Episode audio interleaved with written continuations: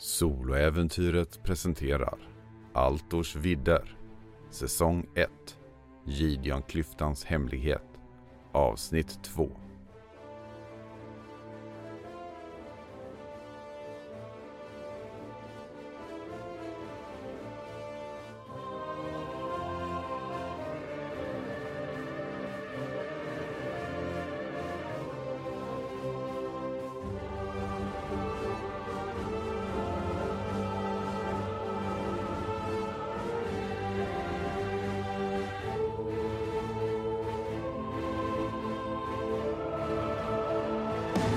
Skeppet Vindstorm har anlänt till Timars hamn och håller på att lägga till där.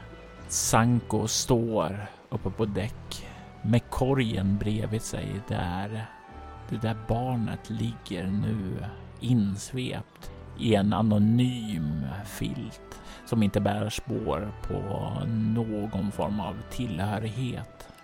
Han kan se hur en eh, liten procession av eh, män börjar närma sig och sluta upp borta vid hamnen och kan ju se de heraldiska symbolerna som tillhör Melucca-kompaniet.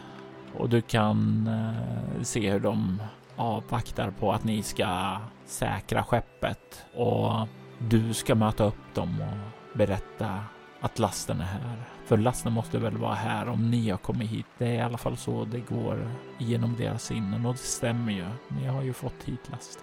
Vad går igenom Sankos tankar när han nu står här inför mötet med Adan Adago som är Melucca-kompaniets eh, man han ska träffa? Så här långt så har ju hans eh, åtaganden, bortsett från några bordningsförsök längs vägen och eh, mindre strapatser gått över förväntan. Och eh, med tanke på att han har en, namnet på en kontaktperson och eh, han nu ser handelsmän med de rätta heraldiska symbolerna komma mot honom så tänker väl han lite grann att hans ena, eller hans huvudsakliga uppdrag går mot sitt slut. Han slappnar väl inte av riktigt än, men han känner ändå en viss lättnad över att nått hamn. För mycket kan ju hända ute på haven, men eh, Samtidigt så vet han ju också att handelsmän och köpmän kan vara luriga. Eh, och det, det, finns inget skäl att slappna av helt och hållet. I bakhuvudet så har han ju hela tiden det lilla knyttet som han känner är någonting han måste fördjupa sig i och ta reda på hur saker och ting ligger till.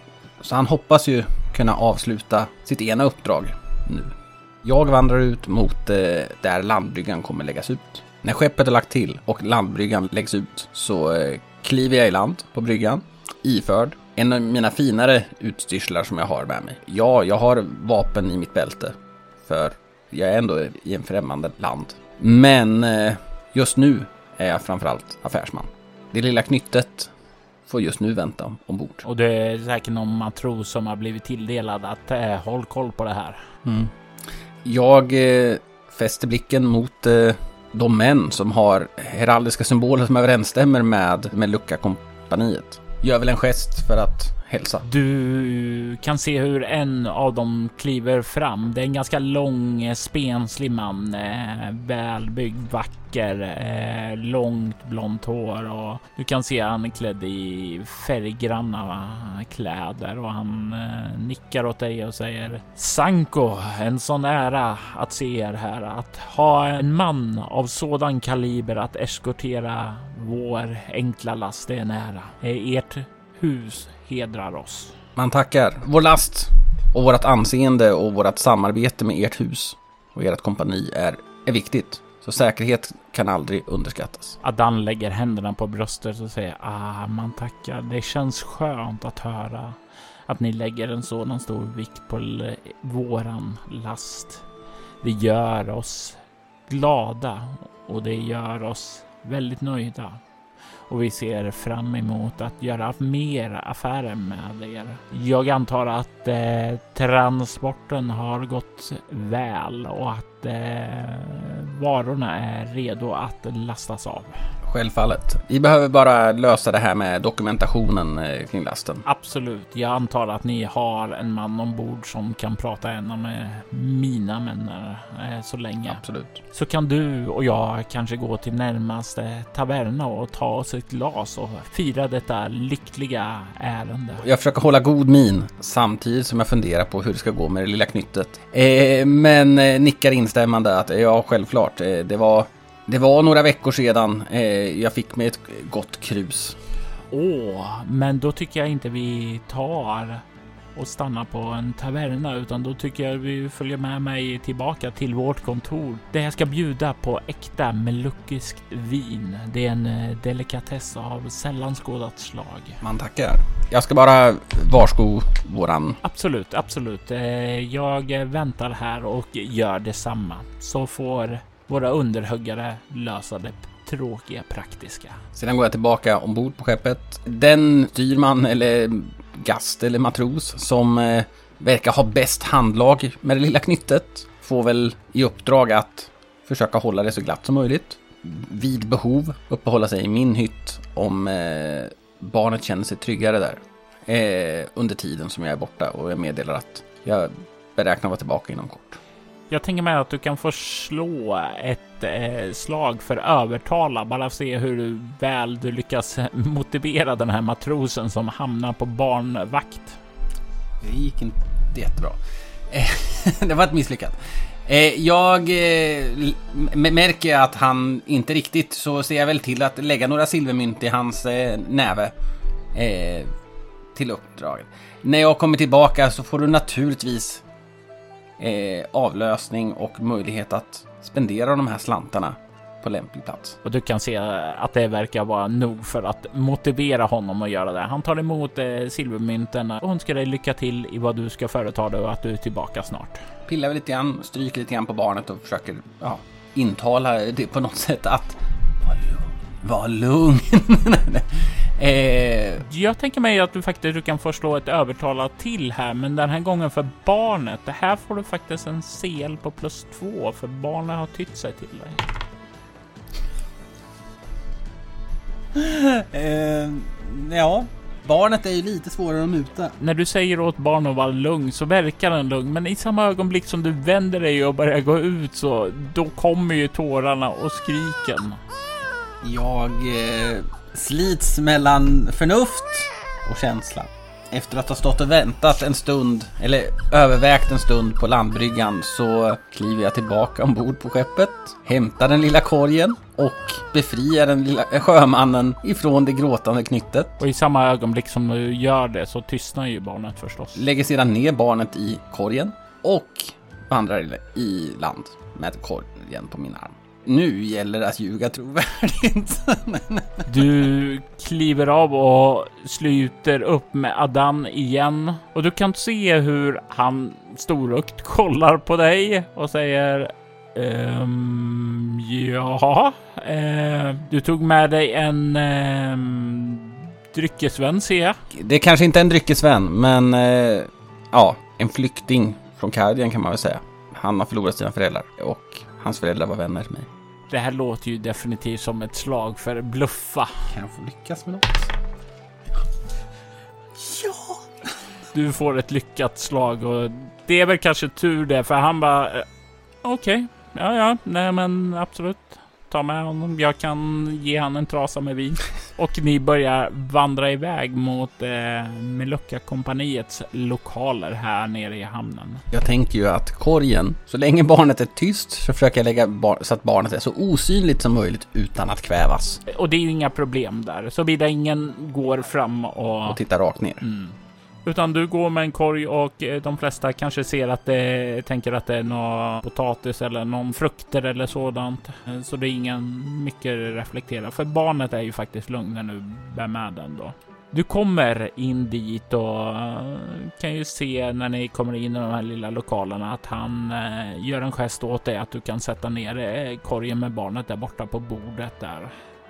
och han plockar fram två glas och en filt eh, samt en eh, flaska med vin då från Melucca och börjar hälla upp det till er och sen kan du se också att han tar och fuktar filten också och räcker över den till dig som för att eh, ge barnet någonting att suga på. Under hela den här processen, eftersom affären inte är i landen, så håller jag ett öga på min, de krusen och flaskan. Så att ingenting läggs i mina glas. Jag är vaksam efter att ha varit med om saker och ting tidigare i mitt liv. Jag struntar väl i att ge vin till barnet. Eh, lägger väl ner filten in till, men ja, av artighetsskäl mot min värld. Eh, och slår mig väl sen ner vid bordet. Du slår dig ner och ni sätter och börjar göra några lite så här artighetsfraser som man öppnar ett samtal och så medan. Så under det här samtalet vill jag att du slår ett finna dolda ting för att se en sak innan eh, Adan ser det. Mm, nej. Och ni sitter där och småpratar och plötsligt så ser du hur Adan tystnar och kollar med stora ögon bort emot där barnet ligger. Jag tittar bort och i samma riktning. När du kollar bort mot eh, riktningen där korgen är så kan du se hur den här vintrasan glider igenom luften ned mot korgen och sen landar den hos barnet. Den svävar av egen kraft där. Och det är vad som har fått Adan att bara stirra på korgen. Försöker läsa av honom och se hur hans tankar går. Om det här är någonting som han begriper sig på. Han kanske vet något som jag inte vet. Jag tänker att jag slår ett dolt slag för att upptäcka fara för dig här. Mm. Vad har du i upptäcka fara? Sju. Du kan få en erfarenhetspoäng. Du får ingen känsla av att han verkar eh, fientligt inställd, utan eh, du får väl snarare en känsla av att han blir mer nyfiken när han ser det. Där det är inte varje dag han ser en eh, filt eh, sväva ned i krubban där. Men eh, han verkar inte rädd, skrämd eller eh, arg över det.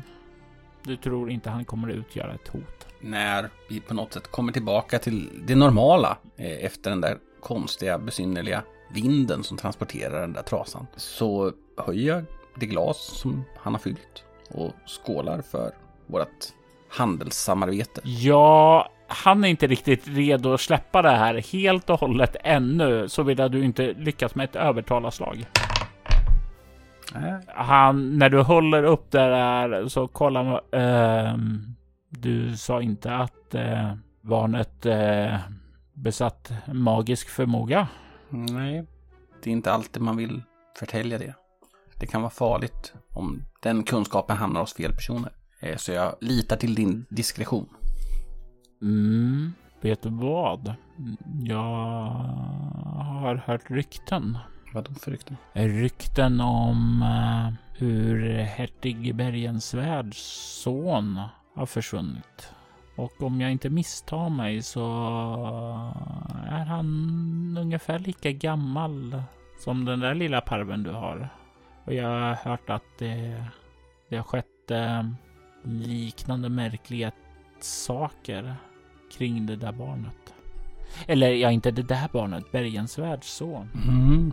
Hur ser er relation med hertigen ut? Om jag får fråga klarspråk mellan vänner. Jag, jag har inte haft särskilt mycket kontakt med hertigen eh, överhuvudtaget, men eh, jag eh, fick möta honom tidigare i veckan eh, när det framkom till honom att eh, ni skulle komma med en last. Han har bett mig eh, personligen att eh, utsträcka en inbjudan till eh, eh hans residens. Eh, att Eh, du ska komma upp dit. Han eh, var väldigt, väldigt intresserad av att eh, lära sig lite mer om din särskilda fäktkonst. Jag ser. Så er, du skulle säga att er relation med kronan är, är god i alla fall? Ja, jag skulle säga att den är tämligen ensidig där alltså. Jag har ju inte så mycket... Säga till om.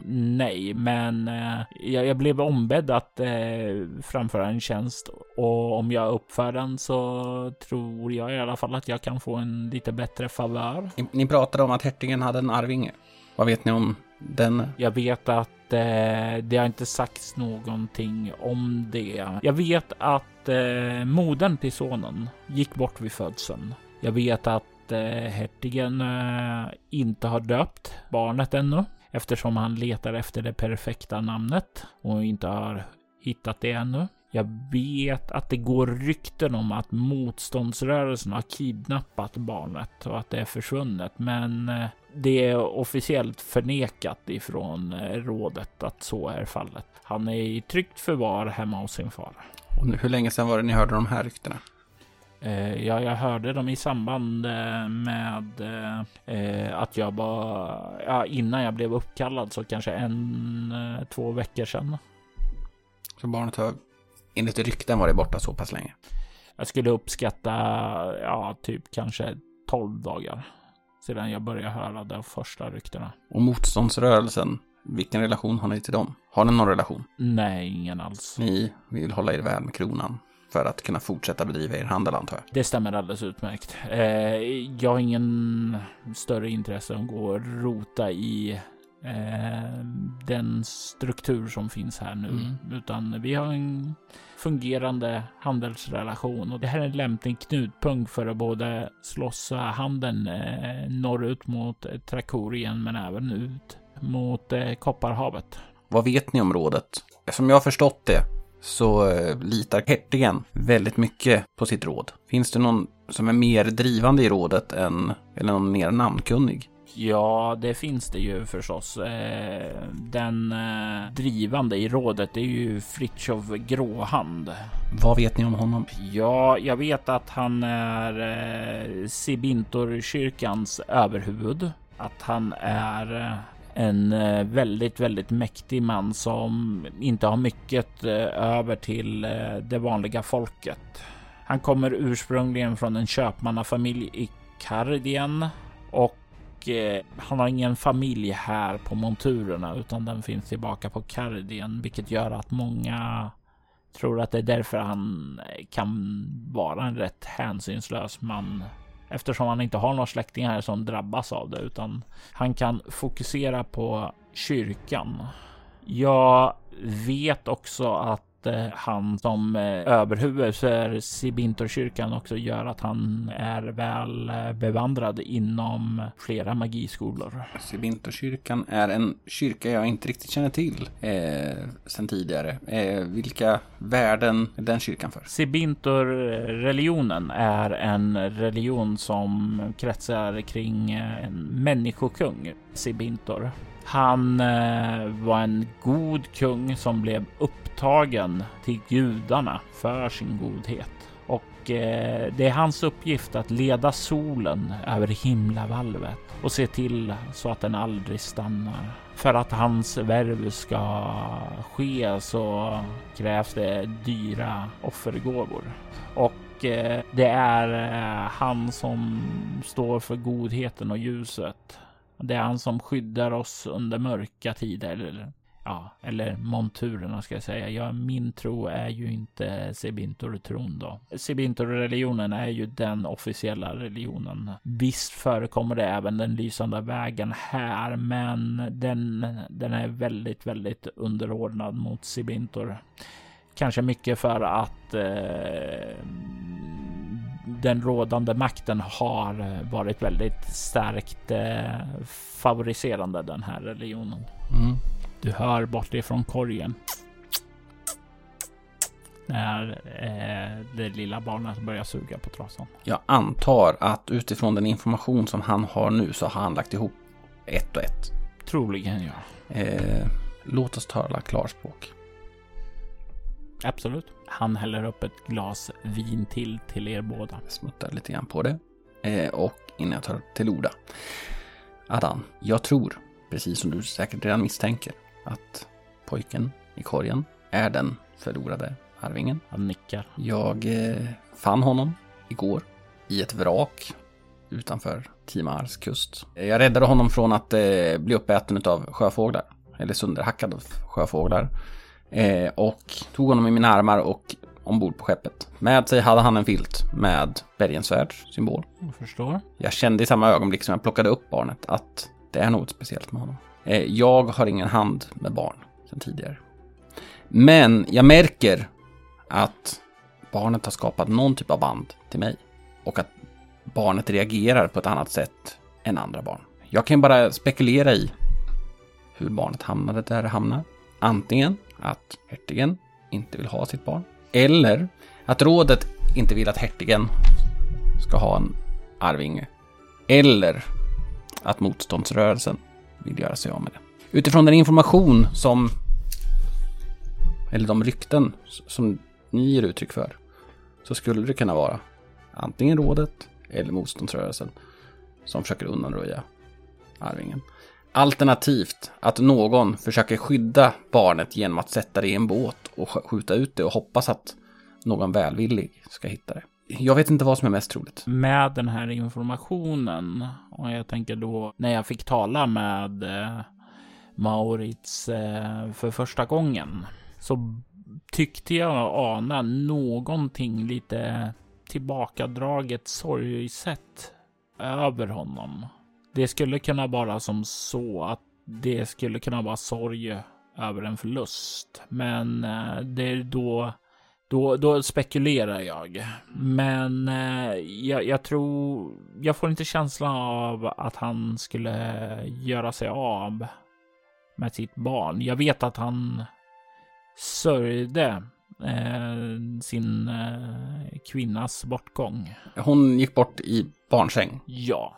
Om din känsla stämmer så är det utifrån den information vi har nu finns det två scenarion. Att antingen rådet inte vill så, ja, som du uttryckte det så verkar hertig Maurits den sjätte vara en ganska behändig regent att ha för ett råd som är starkt. Han lägger sig kanske inte i rikets affärer så mycket. Eh, och om nu den här Fritjof Gråhand är så handelskraftig och hänsynslös som du gav sken av så har ju han kanske ett intresse av att hålla hertigen svag. Eller om nu en släkt har varit vid makten ett par generationer så kan det ju finnas folk som vill ha en ny släkt på tronen. Mm.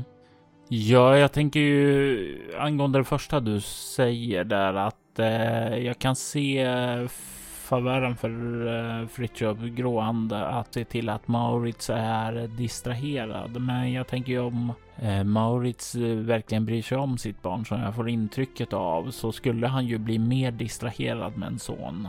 Eh, så i alla fall på kort sikt så skulle ju det gynna rådet då att ha ett barn. Mm. Oavsett förstår ju ni, precis som jag, att informationen som vi pratar om just nu inte kan, får hamna i felaktiga händer. Nej, men absolut inte. Absolut. Diskretion är... Eh, ja. Situationen skulle ju kunna misstolkas att vi rent av låg bakom bortförandet av barnet. Om fel person spinner på det, vilket skulle skada både ert och mitt anseende. Mm. Jag vill barnets väl och behöver ju därför ta reda på mer information om hur det ligger till. Så att jag inte återbördar barnet till någon som i första läget har försökt göra sig av med det. Mm. Jag tänker att det kan vara mm, en person till som du kan eh, vara intresse och veta av. Marmalot Lindegård är eh, hertigens eh, personliga rådgivare. Han sitter med i rådet visserligen, men till skillnad från de övriga så han visar inga egoistiska tendenser utan han verkar handla efter sitt eget hjärta och även vanliga folket tycker väl att han verkar trevlig. Jag tror ju att han är väl den urråde som skulle vara lättast att samtala med, som är mest sympatisk inför själva hertigen. Hur skulle man gå tillväga för att få kontakt med titeln av Armalot? Jag gissar att eh, du har ju en stående inbjudan upp till slottet Eh, så om du kommer dit så kommer ju Maurits eh, vilja tala med dig och Marmalot finns alltid i närheten av hertigen. Så det är ju bästa sättet. Om jag inte eh, gissar fel så kommer ju hertigen också vilja ställa till en fest i din ära. Och då skulle det ju definitivt bli möjligt för dig att eh, på ett mer diskret sätt möta Marmalot då. Mm. Ja, eh, det vore ju skönt att kunna ställa lite diskreta frågor innan någon får nys om barnet. Problemet är bara att hitta en säker plats att ha barnet på. En trygg plats för barnet. Eh, frågan om ombord på vårt skepp ändå är den säkraste platsen. Jag skulle nog tro det. Eh, om eh, ni tillåter så kan jag se till att skicka en av mina pålitliga barnflickor och ta hand om barnet. För jag gissar att eh, ni inte har något kompetent folk på det området. Det ont om kvinnor ombord. jag, jag, jag försöker läsa av hans intentioner. För jag vill inte att han skickar ombord någon som rövar bort barnet. Återigen, jag slår ett upptäcka fara. Mm. Och eh, du får inga ledtrådar i om du lyckas eller inte utifrån att man bara får eh, erfarenhetspoäng för första lyckaslaget. Men eh, du kan inte känna några onda intentioner ifrån honom. Tvärtom, han verkar se det som ett möjlighet att stärka banden till köpmannafamiljen Kishos. Det här verkar vara en möjlighet för honom att gynna bandet. Mm. Gott. Eh, ja, jag skulle gärna se den hjälpen. Sedan kommer det naturligtvis det ske under, ja, under beskydd utav skeppets eh, mannar också. Absolut. Min barnflicka är bara en barnflicka. Gott. Men eh, om jag... Du, jag hade en öppen inbjudan. Eh, men jag antar att det fortfarande inte är så att det bara är att knacka på och kliva in. Eh, utan att jag behöver meddela det på ett lämpligt sätt. Jag kan skicka ett bud upp till slottet så kommer de säkert att komma med pompa och ståt för att hämta dig från ert skepp. Det skålar vi för. Och ni skålar där i glasen. En plan är gjord. Och du kan ta dig tillbaka till hamnen och invänta inbjudan. Är det någonting eh, som du vill eh, göra eh, i medan du väntar då och innan barnflickan kommer? Jag pratar väl lite grann med kapten Kroknäsa om det vi har pratat om. I alla fall att det kommer komma en barnflicka som håller ett öga på barnet att det fortfarande är största diskretion som gäller, men att det är bra om någon håller ett öga så att barnflickan och barnet stannar ombord på skeppet. Eh, och han nickar till det och det säger att han ordnar det. Eh, och efter att ha hört att hertigen är nyfiken på patafäktning så ser jag väl till att jag kommer ha med mig min pata mm. i min packning ja. till banketten som det lät som att det skulle bli.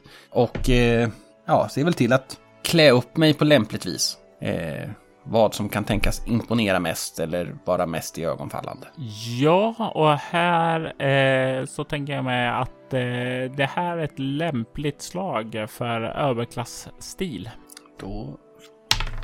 Nej, Mm, det är ju eh, framförallt eh, den trakoriska och eh, berendiska sedvanorna som du är bekväm i. Du har inte haft så mycket med den kardiska hierarkin att göra. Alltså det är ju...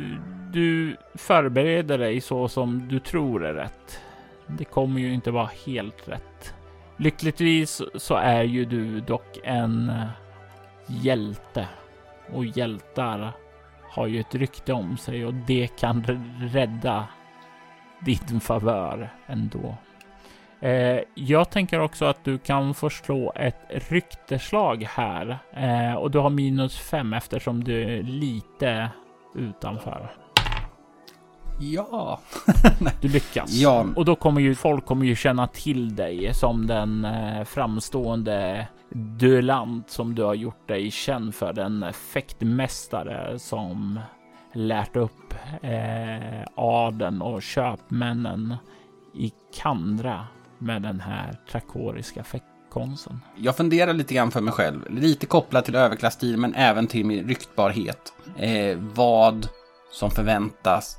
Eh, förväntar de sig att jag ska komma uppklädd som en aristokrat? Eller förväntar de sig att jag ska komma som den fäktare eller rent av är lyssna äventyrare som eh, jag har ryktet om att vara? Jag tänker säga som så här att eh, du har ju valet att komma som de här olika personerna du är. Fäktmästaren, hjälten eller eh, köpmannen.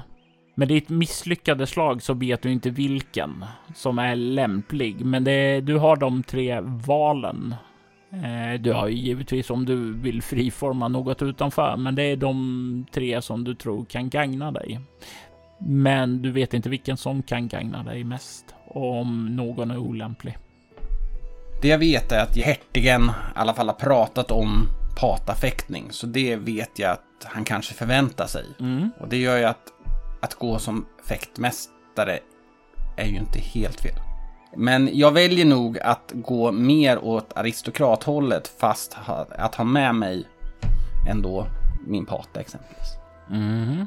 Du går inte som den ärelystna äventyraren? Nej, eftersom eh, jag när jag läste på så var ju äventyrare och annat löst pack längst ner i klassamhället. Stämmer bra det. Alltså det manövrerar du ur den fällan i alla fall. Eh, ja, och det kommer ju så snart ett bud som eh, deklarerar att du till kvällen är ypperligt välkommen att komma upp till slottet och träffa Maurits den sjätte Bergensvärd på en storslagen överdådig fest till din ära.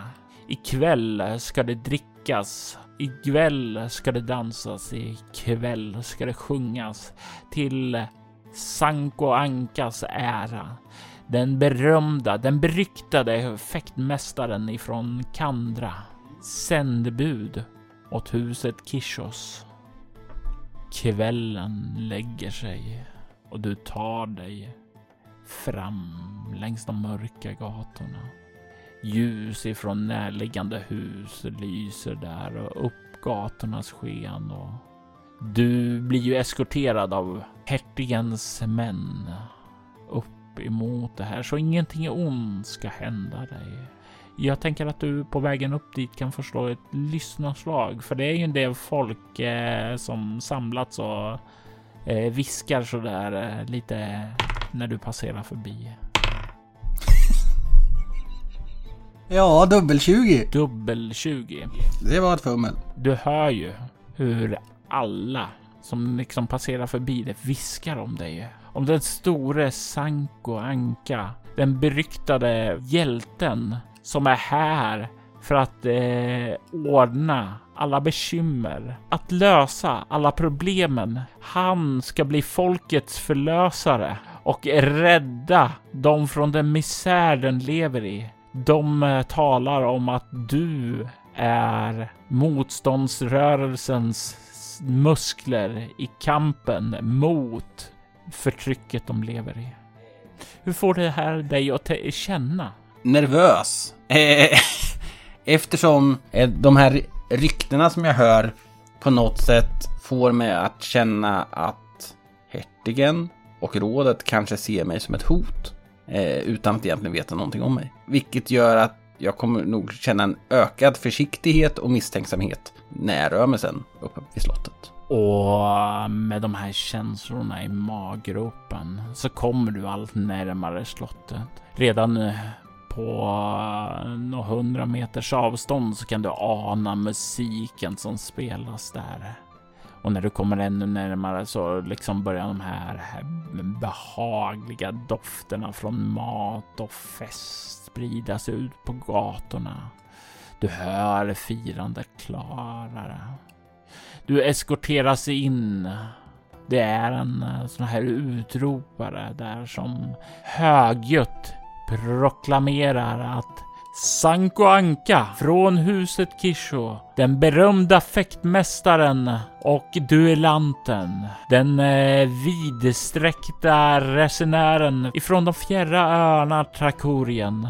Du kan se hur festdeltagarnas ögon vänder sig emot dig. Hur deras uppmärksamhet fäst på den hjälte som har klivit in här. Du kan se hur folk studerar dig noga. Du kan även se hur de iakttar dig. Det här hovintrigerna, det här regnspelen. Du kan känna nästan hur startskottet har börjat där. Längst in i rummet så kan du dock se en person som är lång. Han är nästan, eh, han är över 1,90 lång, så en riktigt gigant. Han är klädd i siden och plysch. Han har ett långsmalt ansikte med två kvicka ekorrögon och han ser ut som en verklig tänkare.